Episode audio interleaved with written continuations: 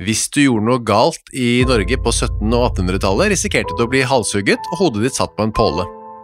Hvis du var heldig, var bøddelen flink og traff på første forsøk. Det var ikke alltid. Hvem var de dødsdømte i Norge? Hvordan ble de henrettet? Var det møkk, sverd eller bål?